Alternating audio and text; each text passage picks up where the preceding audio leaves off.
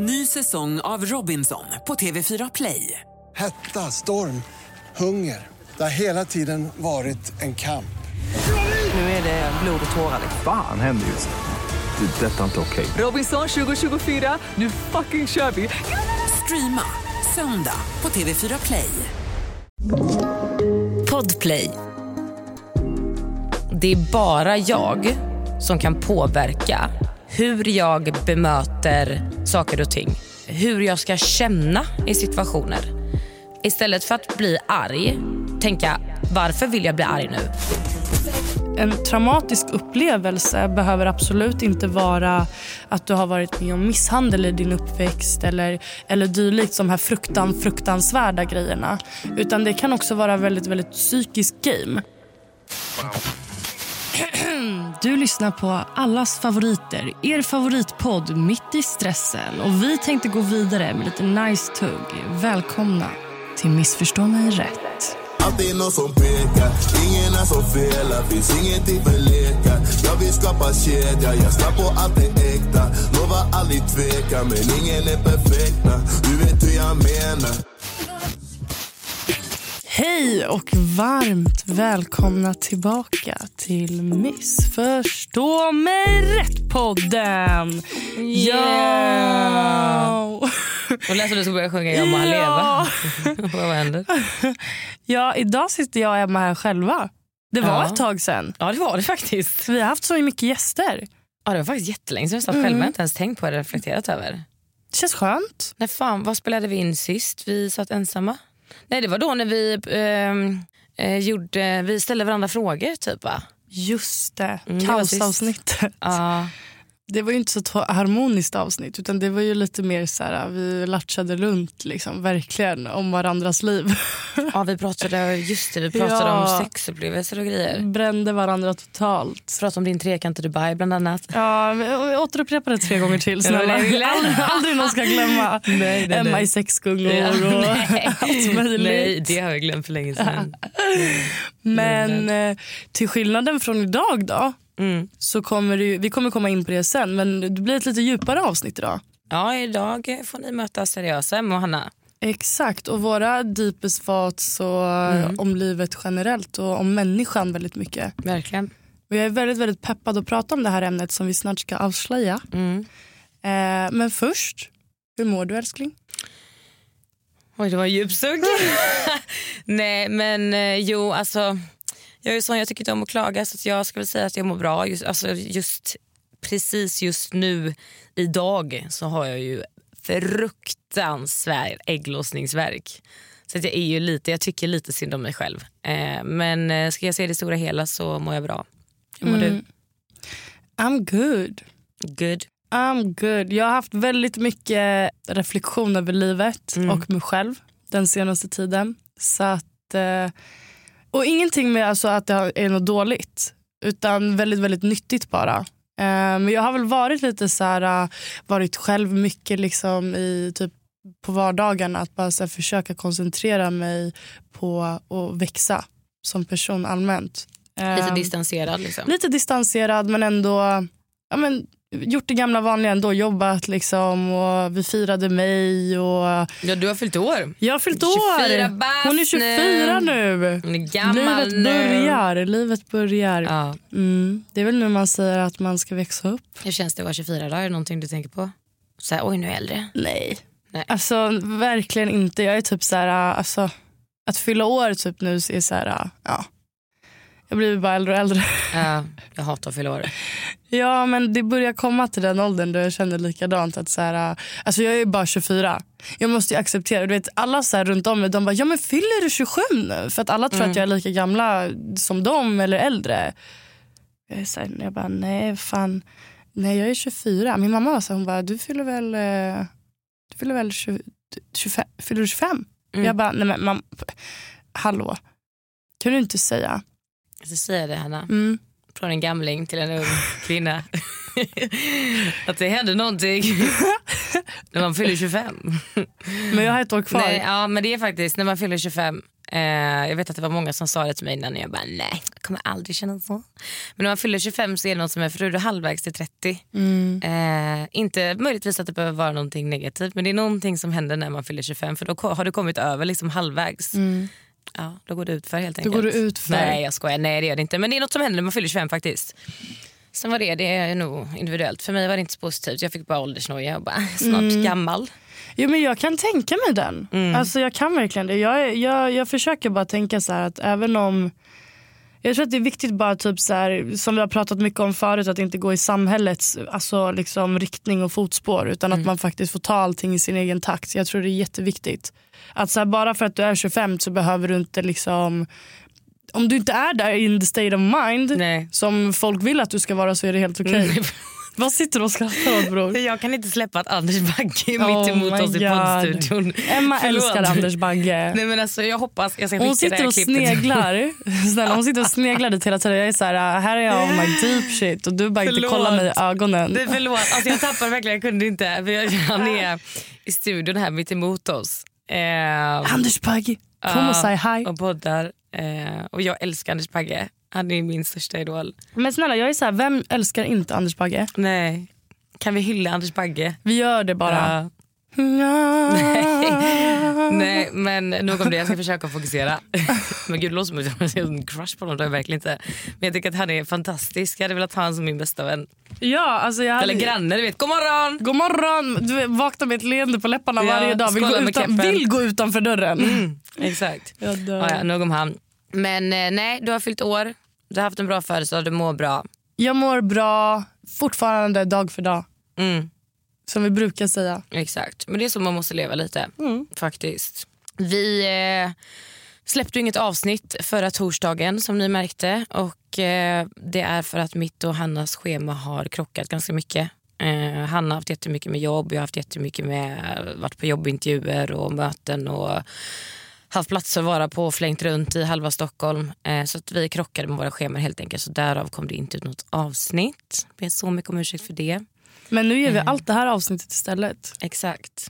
Och jag tror, alltså jag tror verkligen att ni som lyssnar på det här kommer att uppskatta det oerhört mycket. Det tror jag verkligen. Jag tror att eh, man kommer få, jag tror att majoriteten kommer kolla på den här eh, alltså, ska man säga dokumentären Ja. eller videon, liksom, Mm. eh, filmen. Vi ska ju prata om Hanna, eh, ja, du kan ju berätta, du kan börja som att du smittade den. Alltså grejen är den att som, som jag sa innan, jag har varit väldigt väldigt mycket inne på typ så att eh, försöka hitta väldigt mycket om mig själv. Mm. Väldigt mycket typ varför man är som man är, varför gör man som man gör. Lite livs, eh, livsfrågor överlag.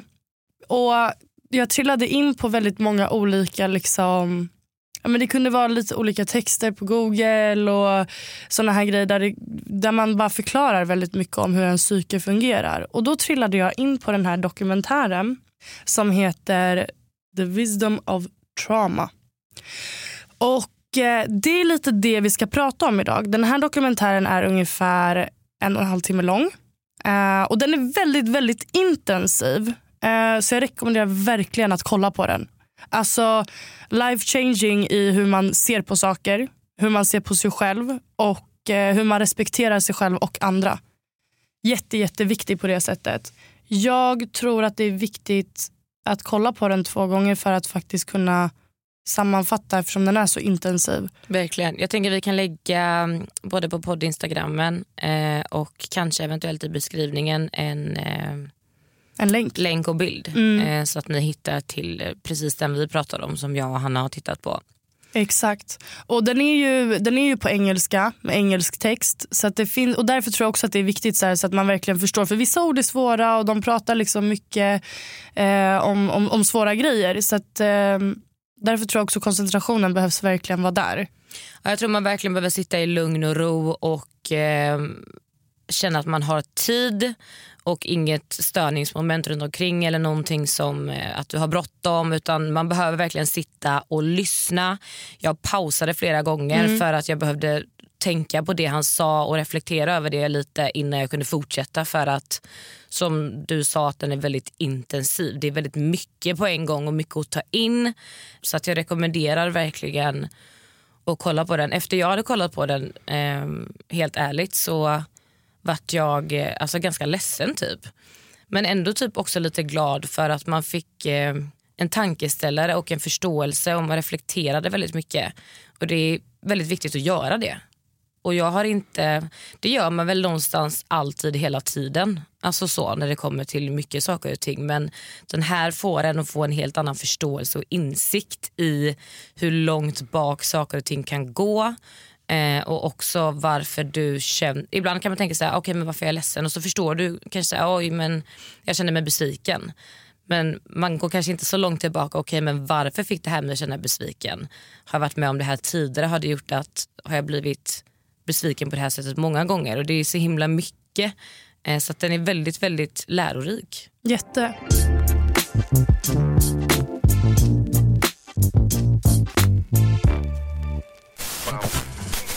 Ny säsong av Robinson på TV4 Play.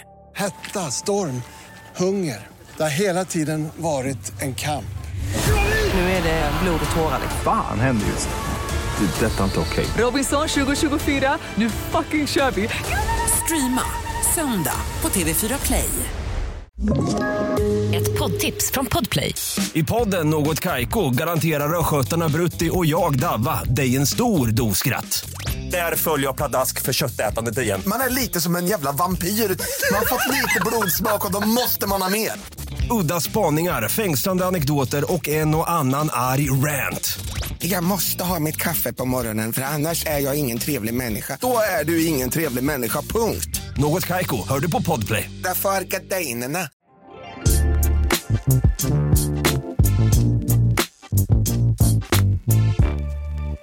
Och bara för att ni ska förstå lite mer så handlar den här dokumentären, filmen, vad man än vill Vi kalla kallar det det. för dokumentär Ja. för det är typ det. Det är typ det. Eh, det är en äldre kille som berättar väldigt mycket om, ja, men som den heter, the, the wisdom of trauma. Och vad trauma är för någonting. Eh, och eh, väldigt mycket based on childhood trauma och att trauma inte behöver vara det behöver inte vara till det grova som vi anser. Vi, tar, vi ordanmärker väldigt, väldigt lätt idag på, på att göra liksom ord väldigt grova. En traumatisk upplevelse behöver absolut inte vara att du har varit med om misshandel i din uppväxt eller, eller dylikt, de här fruktan, fruktansvärda grejerna. Utan det kan också vara väldigt, väldigt psykisk game. Och där tror jag att det är väldigt viktigt att inse både så här, för att göra det enkelt. Man ska aldrig skylla på sin trauma. För det, är, inte- det, är, det är, rättfärdigar inte ett beteende. Men man kan alltid jobba när man får insikten till varför man är som man är och reagerar i vissa situationer. Och alltså, trauma behöver inte vara att det har hänt fruktan, fruktansvärda grejer. Utan det kan verkligen vara att du kanske känner så här att när du var liten så fick du... Dina, vi, vi säger så här, baserat enkelt. Dina känslor blev inte hörda när du var liten. Du fick aldrig den här emotional feelingen från en familjemedlem, från dina, från dina föräldrar, vad som helst. Du fick inte den här liksom att de tröstade dig. Du var inte tillåten att vara arg. Du stänger in dig själv. Dina känslor har aldrig blivit accepterade. Så därför så vill du klara allting själv. För det är ändå ingen som lyssnar. Där har vi det basic. Alltså så här, hur enkelt det kan vara. Och det kan vara ett trauma. Att så här, okay, men då väljer jag att inte öppna upp mig för människor. För att det är ändå ingen som bryr sig eller lyssnar. För att känslorna aldrig har blivit accepterade ändå. Men sen tror jag typ också så här, det som man alltså, tänker fel när det kommer till trauma tror jag är att man ser trauma som alltså bara trauma. Här har vi trauma i, i en låda och trauma är bara en upplevelse typ. Som du säger, typ så här, misshandel, eh, sexuellt utnyttjande. Eh, alltså så. De grova, Att man alltså tänker, fruktansvärda men allmänt också en händelse. Det kan vara att du har sett någon eh, dö. Alltså du vet, så här, att man tänker att trauma är bara en händelse. Mm. Men som han förklarar väldigt tydligt i den här är att trauma är händelsen men det är också så mycket bredare. Där hur du, jag har skrivit ner det här. Det är det som händer inuti dig och i dina känslor utav händelsen. Exakt. Så, att Så- för att säga det på engelska, för jag skrev exakt ner just det du, du, du säger. Ehm, för det var också väldigt viktigt. Alltså, jag tror att både du och jag reflekterade väldigt mycket över det eftersom båda har skrivit ner det. För det är så här, äh, det här är verkligen vad det är och inte vad vi tar det för Exakt. i samhället. Liksom. Så trauma is not what happens to you.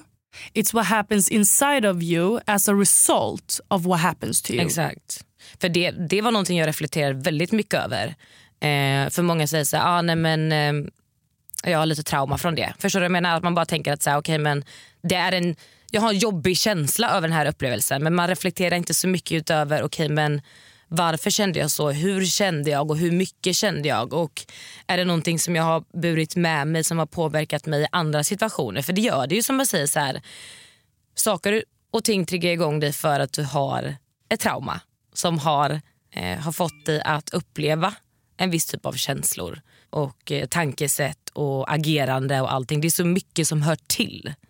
Medan det är så lätt att man tror att så här, trauma bara är trauma typ. Exakt.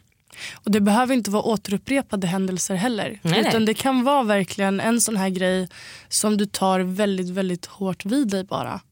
Och Där är det också viktigt att förstå att alla reagerar olika. Och Det har vi pratat mycket om förut men det är verkligen så att vissa grejer tar man hårdare än vad andra gör. Och där också i den här, vad jag lärde mig väldigt mycket, det är mer typ så här äh, acceptans för hur man själv reagerar men också hur andra reagerar. Att vi tänker inte likadant. En händelse för dig kan vara, och vi, vi säger att du och jag är med om en sak. Eh, ta den här Paris-händelsen till exempel. Mm. Okej, men du kanske upplever det så här. Men för mig var det liksom, det var inte alls så det hände för mig. Nu var det ju samma känsla vi hade, men till, som Mm. ett exempel. Liksom, att så här, när, när, när vi var med om den här äh, grejen i Paris eh, som vi har pratat om innan, ni vet. Då kanske jag hade reager, reagerat på ett sätt och Emma reagerar på ett sätt. Och Där måste vi hitta acceptansen för varandra. I att så här, okay, men Det är okej att man reagerar olika och tycker olika och känner olika kring händelser i livet. Liksom. Ja men sånt formar ju en också verkligen och det är ju verkligen det som handlar om när man går långt tillbaka och reflekterar över varför man agerar på sätt och känner på vissa sätt. Och vi säger att eh, du alltid har blivit ifrågasatt för dina känslor. Alltid blivit ifrågasatt. Dina känslor har aldrig varit liksom rätt, de har aldrig varit rättfärdigade. Du har alltid blivit ifrågasatt för allting du känner. Och, nej men nu överdriver du kanske. Eh, nej men så var det inte, du ser det på fel sätt. Just ifrågasatt, där- ifrågasatt. Alltså förlåt mig, men alltså just det där att folk säger men det, så gick det inte till. När du känner att det var så det gick till är det värsta jag vet. Ja. Alltså det Men det jag menar, då blir det ju så om du, om du konstant blir det så blir det liksom ett inövat i dig att dina känslor inte är rätt. Dina känslor är inte accepterade och till slut så kommer du automatiskt inte att våga prata om dina känslor på samma sätt. Du kommer inte våga säga vad du tycker kanske. För att du har blivit inmatad i att det är fel. Dina känslor är fel. Du får inte känna så. Du har inte rätt att känna så. Du kommer alltid känna då, om du inte går tillbaka och, och har förståelse över att den här personen har antagligen något annat som den har gått igenom eller jobbar med och känner på ett annat sätt. Och att den personen kanske ifrågasätter dig för att den alltid har blivit ifrågasatt. Men då tror du att det handlar om dig fast det egentligen handlar om den andra personen i fråga som har sina issues. Så där måste man, precis som du säger, ha förståelse för varandra och någonstans försöka se över, okej men jag reagerar så här men varför reagerar den andra personen så här? Det har inte med mig att göra. Och Det där är så jävla viktigt tror jag att ha i åtanke. Och Det var typ det som jag verkligen reflekterade mest över efter den här äh, att okej men varför agerar jag så här i vissa situationer? Varför blir jag kränkt av det här? Varför tar jag illa vid mig av det här? Och så satt jag och tänkte på okej men vad gör mig mest ledsen? Eh, vad kan göra mig mest sårad? Eh, om vi säger till exempel i en vänskap. Vi tar ett exempel. Vi säger att jag som barn alltid får skulden för allting. typ Att allting landar på mig. Man får alltid ta skulden för allting helt enkelt. Då någonstans så automatiskt så växer du upp i det. att det är alltid ditt fel. Du får skulden för allting. Du är alltid fel. Fel, fel, fel, fel, fel, fel, fel, fel. fel. Och då någonstans när man blir äldre såklart så kommer jag ju vara att när någon ska säga till mig att om jag gör någonting på mitt sätt och jag tycker att det känns rätt och någon säger till mig att det är fel så kommer jag ju ta illa vid mig av det. För att jag, alltså det är så sjukt när man tänker på det. Det reflekterade jag jättemycket över. Okej men varför reagerar jag på det här?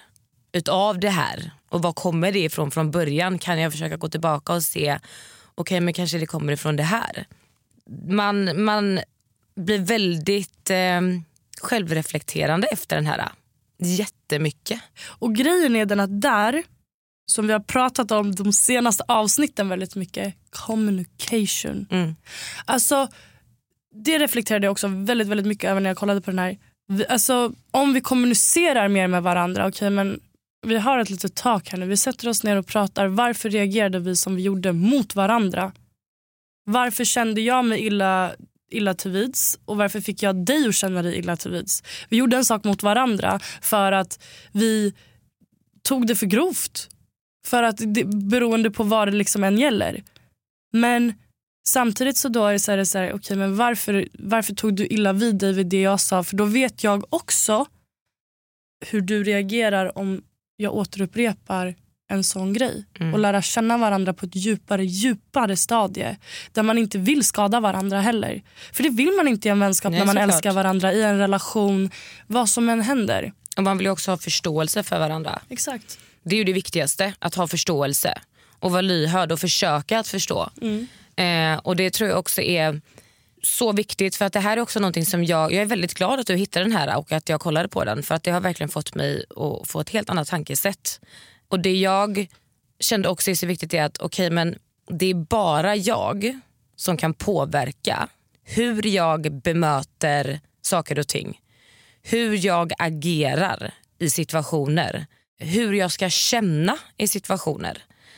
Och också försöka att okej men istället för att bli arg tänka varför, varför vill jag bli arg nu? Vad är det som får mig att bli arg? Okej men jag känner mig besviken. Okej men varför känner jag mig besviken? Kanske för att jag så långt tillbaka aldrig blev bemött med respekt säger vi till exempel. Okej men då är det för att jag har känt att jag blivit respekterad. Och det är så här, då har det egentligen inte med den här personen att göra. Så jag är inte arg på personen. Jag är arg på att jag inte blev respekterad under mina tonår till exempel.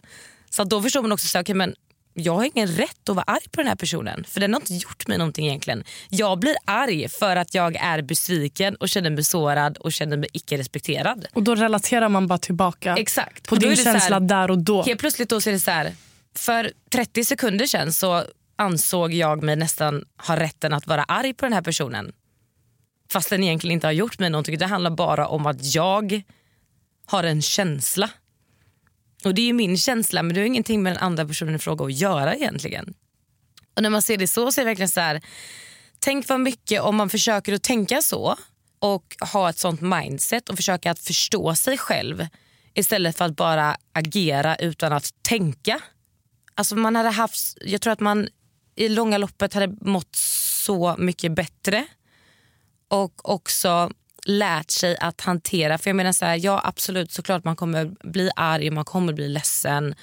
Men att också sätta sig och försöka och alltid reflektera. Okay, men varför? Vad är det som får mig att bli ledsen? Vad är det som får mig att bli arg?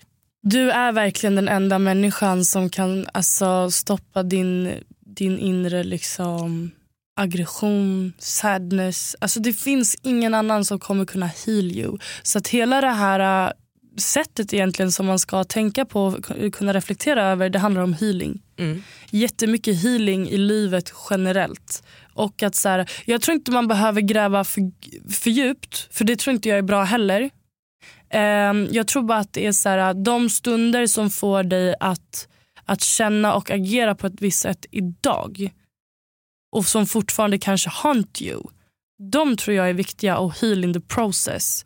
Men de andra, där du, inte, du, har, du har liksom ingenting, gräv inte för att bara hitta någonting. Nej, jag tror det är viktigt också att ha acceptans för det som har varit och försöka släppa det för att det är the past. För att jag menar, går du tillbaka och tänker okej men varför reagerade jag så här när jag var 18 på min mamma eller på min pappa? För att det, är så här, det kan du inte göra någonting åt. Det du kan göra någonting åt det är här och nu idag. Exakt, exakt. Och som han säger, eh, som jag tyckte var, eh, var en väldigt, väldigt bra liknelse. Eh, det är how you handle the, the people that triggers you is your call but at least know you're the one with all the explosive inside of you. Så han drar en parallell med ammunition, med liksom ammunition. Och det är alltid så här, vem är det, nu kommer jag inte ihåg exakt, exakt hans rad, men vem är det som håller, om du håller i en gun till exempel, vem är det som pull the trigger? Mm. Vem är det som sprutar ammunitionen? Det är du. Det är du som låter dig själv rage eller, eller reagera som du gör. Och den enda personen som vi sa innan som kan fixa och laga det här av din aggression, ledsamhet, happiness, whatever. Den enda som kan fixa det är du i slutändan. Och så gäller det med allt. Vare sig du vet du vill komma ut kanske en eh, drug addict, alltså addicts överlag, money, alkohol, sex, allt det här. Den enda som kan rädda dig det är du. Absolut med hjälp på traven men du måste vilja det för att kunna göra det. Så är det verkligen. Så är det verkligen. Allting handlar ju om dig själv.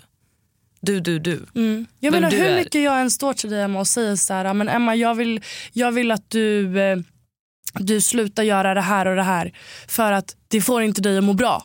Det får inte dig att må bra. Och så här, vad jag än säger, du, absolut att du kan respektera och lyssna på mig men har inte du viljan där inne till att kunna göra det då kommer det inte att ske. Men det är som att säga till någon, bara, nej men var inte ledsen. Ja. Det är så här, nej okej jag ska inte vara ledsen. Så här, di, bara för att du säger att jag inte ska vara ledsen så kommer inte det sluta mig, eller eh, få mig att sluta vara ledsen. Utan det måste ju komma ifrån att okej men jag bestämmer mig för att jag vill inte vara ledsen. Och acceptera och bestämma mig för att okej men vad ska jag göra för att inte vara ledsen. Så så här, allting kommer ju, I slutet på dagen så kommer ju allting tillbaka till dig själv. Eh, och att det är du som bestämmer över dina egna känslor. Det är samma som typ till exempel, det här har jag pratat om ganska mycket innan med typ ångest och sånt. Att någonstans så är ju en känsla en känsla. Och det är en känsla som du bestämmer över någonstans i slutet på dagen. För att vi kan säga att det är en situation som uppstår eh, som vi båda är med om, du och jag Hanna. Och jag väljer att bli arg, du väljer att bli ledsen. Vi har valt. Vi har valt vår egen känsla. Det kunde vara tvärtom. Jag kunde valt att bli ledsen och du kunde valt att bli arg. Det är, så här, du, alltså, det är bara du som kan påverka dina känslor. Det är ingen som säger att den här situationen ska göra dig ledsen eller ska göra dig arg. För att det finns inga ska. Det finns inga känslor som är måsten. Rätt och fel. Nej, allting handlar om vad du känner och vad du också väljer att känna. Precis som jag säger, okay, om du känner dig arg, välj då att gå tillbaka till att känna dig besviken, förtvivlad. Alltså så här, du väljer alltid vad du ska känna. Samma som med ångest. Det är så här, du kan absolut välja och bestämma att du ska ha ångest och tycka att det är jobbigt. Eller försöka att se okay, men vad kan jag göra åt det här och försöka vända på det istället. Allting kommer till dig i slutet på dagen. Det är du som bestämmer.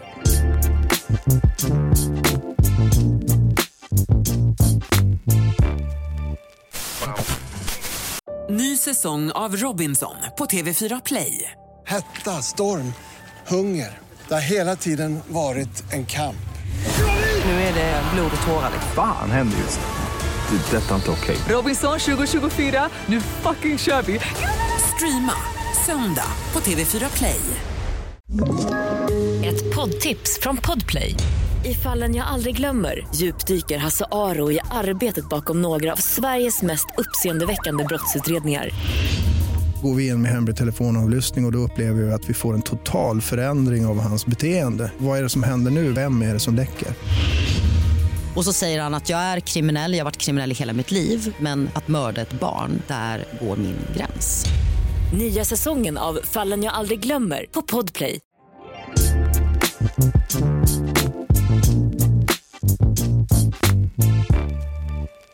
Jag tror att det också är väldigt alltså, individuellt. Exakt. Hur du vill bearbeta saker, lösa saker.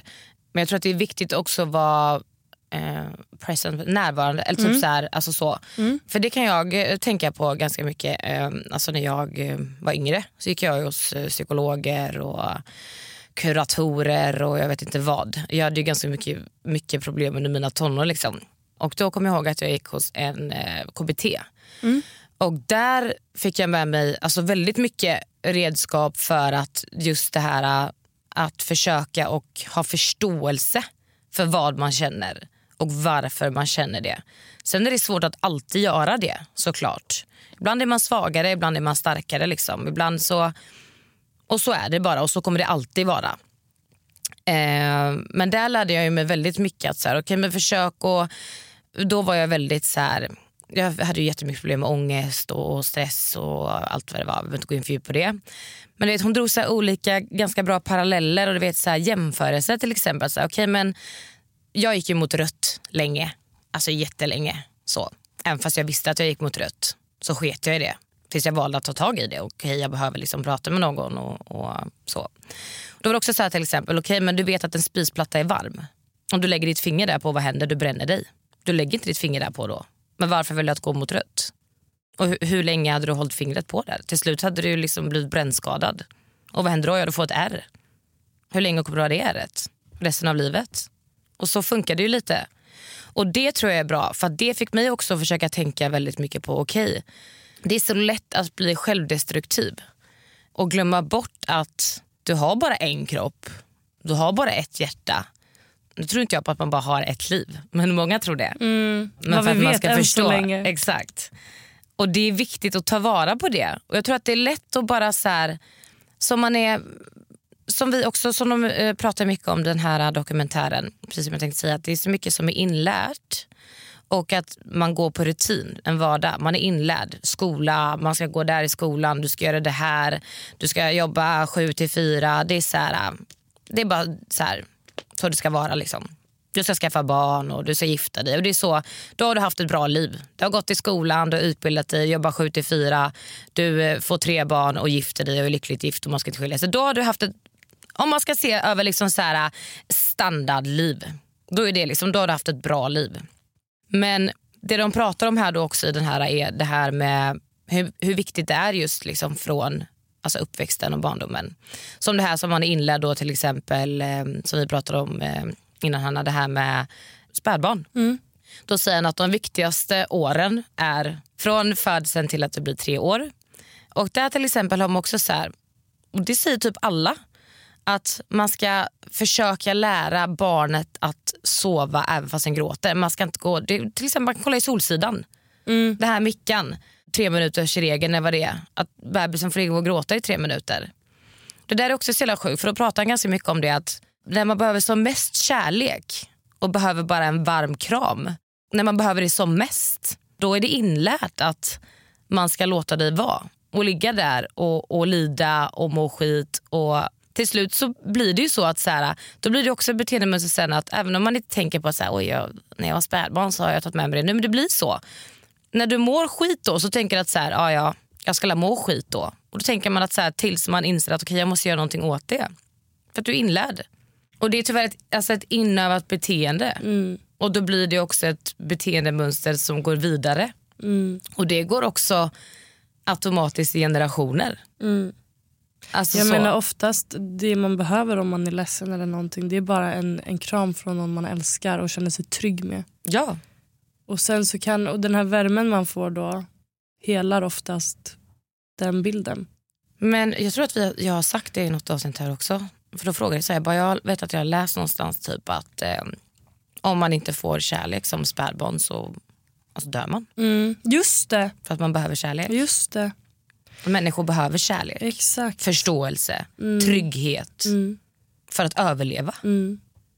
De pratar ju väldigt mycket om, eh, om den stressade föräldern också. Få en, du, du får ju generellt en stressad liksom, uppväxt. Och jag tror redan att det börjar i magen om du har en, om du har en stressad förälder. Då, alltså energierna skjutsas ju ner, det är samma kropp. Liksom. Skjutsas ju ner direkt till eh, det lilla ynglet eller vad fan det är som ligger där Undrar hur stressad min mamma var innan hon fick mig då kan jag känna. Hon måste ha haft ett jävla stressigt liv. Jag dör. Nej jag skojar bara, bara en sån grej, även om man inte reflekterar över det. Så att en stressad förälder överför en känsla till ett barn där de kanske inte känner sig tillräckligt sedda, eh, lyssnade, eh, känslomässigt liksom aktiva i relationen. Allt det här. Så stress framkallar väldigt, väldigt mycket. Och stress framkallar också sen som eh, eh vi pratade om innan med eh, autoimmunska sjukdomar. Mm. ADHD, ADD, cancer, mycket magproblem. Och det, är inte bara, det tar de upp i den här dokumentären också. Det är inte bara stressen. Alltså stress är en jättestor faktor. Vi vet ju att det ger oss liksom problem i livet. Mm. Och Fysiskt och inte bara psykiskt. Utan jag menar din kropp är ihopkopplad, dina känslor är ihopkopplade, ditt hjärta är ihopkopplat och din hjärna är ihopkopplad och den går ju direkt liksom med nervsystem i liksom lever, tarmar, eh, hjärta, Det är ett helt maskineri. lungor. Allting måste ju funka för att hela kroppen ska funka. Liksom. Hjärta, lungor, alltså psyke. Ditt psyke påverkar ditt psyke. Förstår? Ja, alltså, ja. bara den grejen. Och De pratar väldigt mycket om där, typ så här, hur läkare... Nu är inte jag en läkare, men jag kan fortfarande ha mina teorier på vad jag tror är sant och inte. Såklart. Så grejen är så här att eh, de hade till exempel, vad hade de kanske 100 pers i ett rum Mm. eh, i den här dokumentären. Och då frågar han där inne liksom hur många som, om de har gått till gastrostop, gastroskopi Skopi. till exempel. Hur många gånger har de, hur många läkare eller hur många gånger har de frågat dig, okej, har du, de, de kollar bara problemet och så vill de lösa problemet, ofta medicinskt. Men de gräver inte djupare än så. Hur många gånger har de frågat dig om du har något, något jobbigt som har hänt i ditt liv, något, något trauma, alltså känslor generellt. Hur många gånger? Det var ingen som räckte upp handen. Och Det är så sjukt egentligen, för idag i vårt samhälle så är det verkligen så vi vill behandla allt med medicin. Allt. Och Det var samma sak, jag reflekterade över det väldigt mycket för att han pratar om ångest och depression. Och där säger han också, hur många här inne, samma grupp av människor, hur många här inne har någon, känner någon eller har själv ångest, depression, är deprimerad? Alla räcker upp handen. Alla känner någon, vet någon eller har det själv. Alltså det är så här, man har alltid en koppling till ordet depression. Mm. Att människor runt om en eller du själv är deprimerad. Där förstörs jag bara i vårt samhälle idag. Men då är det också så här, då säger han också, okej och hur många här inne har tagit eh, av era vänner eller har någon i närstående som har tagit antidepressiva mediciner, mediciner, mediciner. Varpå jag tror att det är typ så 80% jättestor andel i alla fall som räcker upp handen där också. Så att de flesta har liksom någon i sin närhet eller en själv som har tagit antidepressiva. Och sen frågar han, lever de kvar med sin depression och sin ångest efter det här? Lika många räcker upp handen. Och du vet, Vi lever i ett samhälle idag där mediciner ska vara svaret på allt för att ifrångå det faktiska problemet. Ja, gud ja. Vad som är ett faktum till det som har gjort dig att känna eller vara sjuk. Allt. Det, är så här, det sitter så långt tillbaka att typ så här, för, mig, för mig är det så jävla ofattbart men jag, Mm. jag, jag tror verkligen på den här teorin. Mm. Eh, jag gör verkligen det och jag tror absolut inte att det har med att göra att vi äter eh, att det bara är maten vi äter idag Nej. jämfört med hundra år sedan. Absolut inte. Men sen tror jag också så här, jag hör vad du säger 100%, den här delen har jag nog missat lite. Jag har säkert suttit i mina tankar då. Ehm, just den här delen med ehm, de här som räcker upp händerna. Men det jag tror är också som jag tycker är viktigt att påpeka som själv ehm, har gått på mediciner och så vidare eh, och behövt att göra det liksom eh, för att överleva typ. Tror jag det handlar om att det kommer aldrig kunna ta bort det ta bort ditt faktiska problem, ta bort din ångest, din depression. Det det kan göra är att underlätta den under en period när det är som tuffast. För depression är liksom deep rest, du behöver deep rest. Din kropp behöver liksom återhämta sig eh, för att du har gått mot rött för länge och inte bearbetat det du behöver bearbeta till exempel. Så det som är, nu ska inte jag förespråka att jag tycker att man ska ta, det är inte det jag menar. Men jag säger bara att för vissa så är det Eh, ett tillfälligt hjälpmedel och det har det varit för mig. Eh, men det är inte någonting som kommer att hjälpa dig att ta dig ur det utan det är du som måste ta dig ur det. Du måste komma till underfund med vad det grundar sig i från början. Så att egentligen det som folk missförstår också väldigt ofta just med antidepressiva och sånt är att det är egentligen bara någonting för stunden som ska hjälpa dig och som jag sa underlätta din depression eller underlätta din ångest, minska den liksom. För det som man också ska göra egentligen med antidepressiva är att när du börjar må lite bättre men då handlar det också om att du går till underfund med och, och reflekterar och försöker att bli bättre och inte tänka att det här är mirakelmedicin och jag kommer bli en vandrande solstråle för att jag har fått tabletter. Liksom. För så funkar det inte. Tro mig, jag vet att det inte funkar så. Men det handlar om att som sagt hitta en livsgnista, som du sa, kanske en livscoach. Försöka förstå, okay, men vad är det i mitt liv som jag inte är nöjd med kanske. Eh, kanske du har varit jättekrossad precis, kan vara det. Eh, för sen när du börjar hitta tillbaka till dig själv, då ska du trappa ner på det här och så ska du sluta med det. För det är ingenting som man egentligen ska gå på hela livet. För du ska inte behöva göra det. För att medicinen kommer inte att ta bort det. Så därför tror jag att många är så här, klart att det fortfarande finns kvar. För att det kommer inte magiskt försvinna för att du får en tablett. För tabletten tar inte bort det. Det underlättar, absolut. Det finns ångestdämpande och antidepressiva handlar egentligen om att den stänger av nu vet jag inte exakt vad det heter men det finns, det finns mycket olika typer av sådana. Det finns mm. SSRI-preparat som eh, påverkar vissa delar av hjärnan. Det finns andra preparat som påverkar eh, produktionen av serotonin i magen. Det finns serotoninhöjande och serotonin är det som får oss att känna glad. Det finns så mycket olika typer av preparat. Eh, det som är med många är att Eh, jag kan säga till exempel, det här vet jag att jag har pratat om innan så jag har inga problem att prata om det. Men när jag var typ 14, 15 så började jag på eh, antidepressiva första gången. Och då, hade, då visste inte jag riktigt vad det var på samma sätt som man vet idag. Eh, och idag har jag så mycket mer respekt för det. Och, eh, det hade jag inte då utan det var ju jätteskönt för mig att höra att ja, men du är deprimerad och du har ångest, här har du tabletter och så kommer du må bättre. Jag tänkte gud vad skönt, nu är mina problem i världen. Liksom trodde jag. Men det de här gjorde med mig, vilket jag inte såg själv, var att jag blev helt avtrubbad. Så jag kände ingenting istället.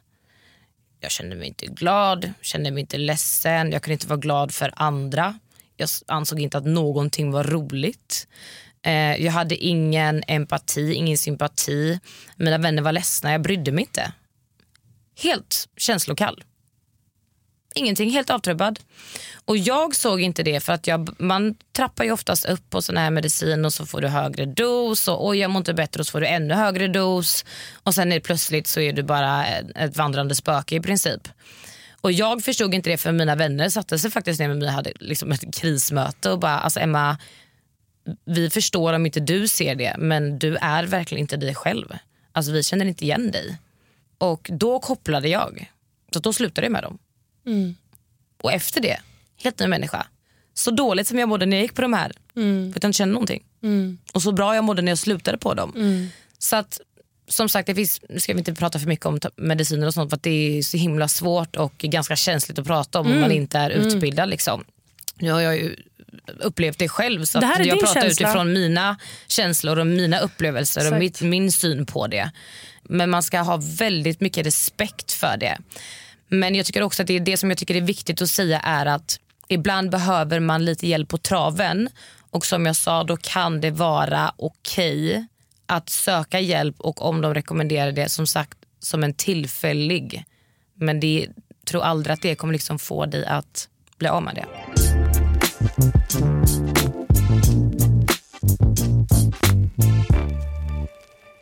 Det här skrev jag faktiskt uh, ut på min Instagram. Uh, för att efter jag hade sett på den här dokumentären jag var så här, mm. jag blev helt manisk. Ah, ja. Alltså jag var så här, okej, okay, låt mig skriva upp några punkter till mig själv. Där jag reflekterar över vissa saker.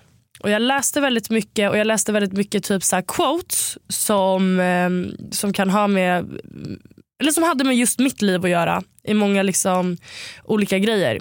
Och Jag reflekterade väldigt mycket om typ så här, jag är väldigt väldigt rädd att bli lämnad av dem jag älskar. För att jag känner att jag typ alltid har blivit lämnad av, av personer som mycket vänner. Mm. Där jag känner liksom så här, okej men de här lämnade mig till slut. Och därför har jag extremt extremt svårt att öppna upp mig till, till nya människor i mitt liv. Så de vet knappt någonting om mig.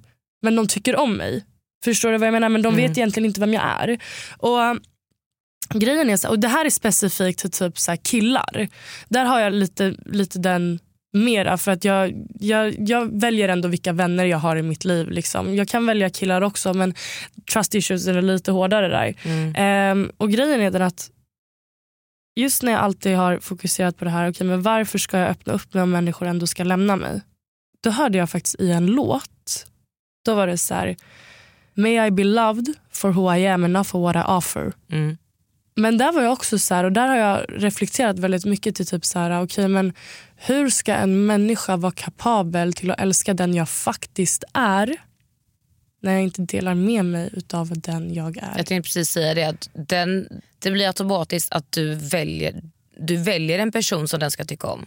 Du väljer att vara en person som du Förstår du? vill att den ska tycka om.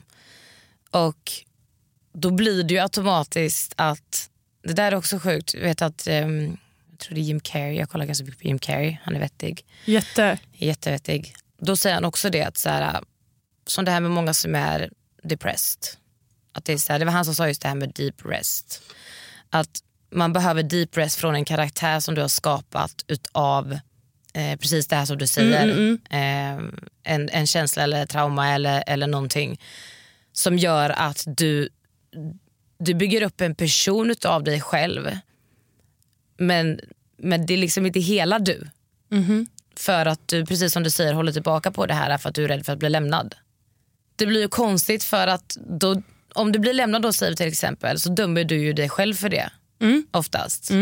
Men någonstans är det ju inte dig den lämnar. Förstår du vad jag menar? För det är inte Mm. du. Och grejen är så här, alltså, jag, jag, tycker det är skitviktigt. Jag, alltid, jag är alltid mig själv. Men jag väljer Mm. väldigt mycket vad jag vill dela med mig utav. Gud, ja. För att jag är rädd att bli lämnad. Men här är min reflektion över vad jag har kommit fram till med att just bli lämnad. För att egentligen så är det inte jag, de som lämnar mig. Utan jag väljer att gå. Och den tog jättehårt på mig. Alltså det är så här, alla lämnar inte dig. Utan i många fall så måste du förstå att det är du som väljer att gå. Och istället för att känna som att alla sviker dig och lämnar dig och inte bryr sig så är det ibland du som väljer att nej, jag väljer att gå från den här situationen. Det är jag som lämnar. Och den har jag haft jättesvårt att typ acceptera. Att så här, okej, men nu förstår jag att de flesta gånger då släpper jag det bara. Även om jag är en människa som kämpar för relationer så går jag bara därifrån. För jag orkar inte. För att man känner att man har blivit lämnad så mycket fast det ändå är jag som har valt att säga hejdå. Mm. Men, ja, och det där, men det där är också eh, viktigt att, att ha med sig. Precis som du säger. För Jag tror att det är många som känner eh, att de är rädda för att bli lämnade. Liksom. Mm. Någonstans så handlar det om att i många fall så är det precis som du säger, det tänker man inte för man känner ju sig lämnad. För Mm. att du har haft en person i ditt liv som har varit en del av ditt liv. Eh, du har delat med dig av dig själv till den här personen. Men många gånger så handlar det om att du undermedvetet lämnar, att det är du som lämnar Exakt. för att du väljer att okej, kanske den här personen inte får dig att må bra. Mm. Eh, kanske det handlar om självrespekt. Den kanske inte har visat dig det du tycker att du förtjänar. Och Jag tror att någonstans undermedvetet så vet man det. Men man känner sig automatiskt lämnad. Exakt. Och då blir det också precis som jag sa innan att man oftast blir väldigt självkritisk istället för att försöka tänka att okej men jag valde att lämna det här för att den här personen inte var bra för mig. Mm. Det var ingen person som jag ville ha i mitt liv. Men återigen, där vi kommer tillbaka till att du väljer känslan. Du kan välja att känna att jag Mm, valde att mm, mm. lämna för att det var det, det jag ville göra. Det var det bästa jag kunde göra. Mm. För mitt välmående och för min framtid och för liksom, min lycka eller vad Mm. det nu än är. Men ofta också, alltså vi lever i en society där det är normalt att lämna. Från minsta lilla bekymmer istället för den här kämparfaktorn. Och där, även, om, även om jag vill säga att jag kämpar och kämpar och kämpar så finns det fortfarande, min del i society finns också där. Jag är också lärd på det här sättet att man lämnar. Det är, det är ingenting som är konstigt. liksom. Och Man får bara välja att acceptera så att okej, okay, ibland får man bara svälja sin stolthet och bara så här, jag får acceptera att jag fortfarande vill ha den här människan i mitt liv för den har inte gjort mig någonting ont egentligen. Alla gör misstag, alla gör snedsteg. God knows I'm one of them. Förstår du? Ja. Aj, knocka mig själv. Men eh, jag tror att precis som du säger att det är, jag tror att det är viktigt också precis som vi har pratat om liksom, om man går tillbaka till. Att ha acceptans, förståelse, vara lyhörd. Och då måste det också gå båda hållen. Mm. Man måste vilja förstå varandra, eh, vilja möta varandra. Och det är också så här, om man kollar tillbaka på, nu har det blivit ett väldigt skadat, alltså väldigt skadat på alltså senare år egentligen. Det har väl alltid varit skadat på ett sätt, ett eller annat sätt. Men om man ser tillbaka på alltså farmor och farfar, mm. vet, gammelfarmor och gammelfarfar. Hur kärlek såg ut då. Mm. Och hur man hade en helt annan acceptans för varandra och varandras brister och förståelse. Och kärlek handlar ju om att älska allting som har med personen att göra. Även om det är deras eh, säger man, fördelar och eh, nackdelar. Flas. Ja. ja, exakt. Flas. Mm. Det är ju kärlek på riktigt att acceptera en annans brister och ha förståelse. För att alla kommer ifrån någonstans. Alla har varit med om olika, alla har väl levt olika liv. Det finns inte en enda människa på hela den här planeten eller någon annan planet som har levt exakt samma liv eller varit med om exakt samma saker eller kan känna exakt samma någonsin. Mm. Och det tror jag verkligen är viktigt för det är riktig kärlek.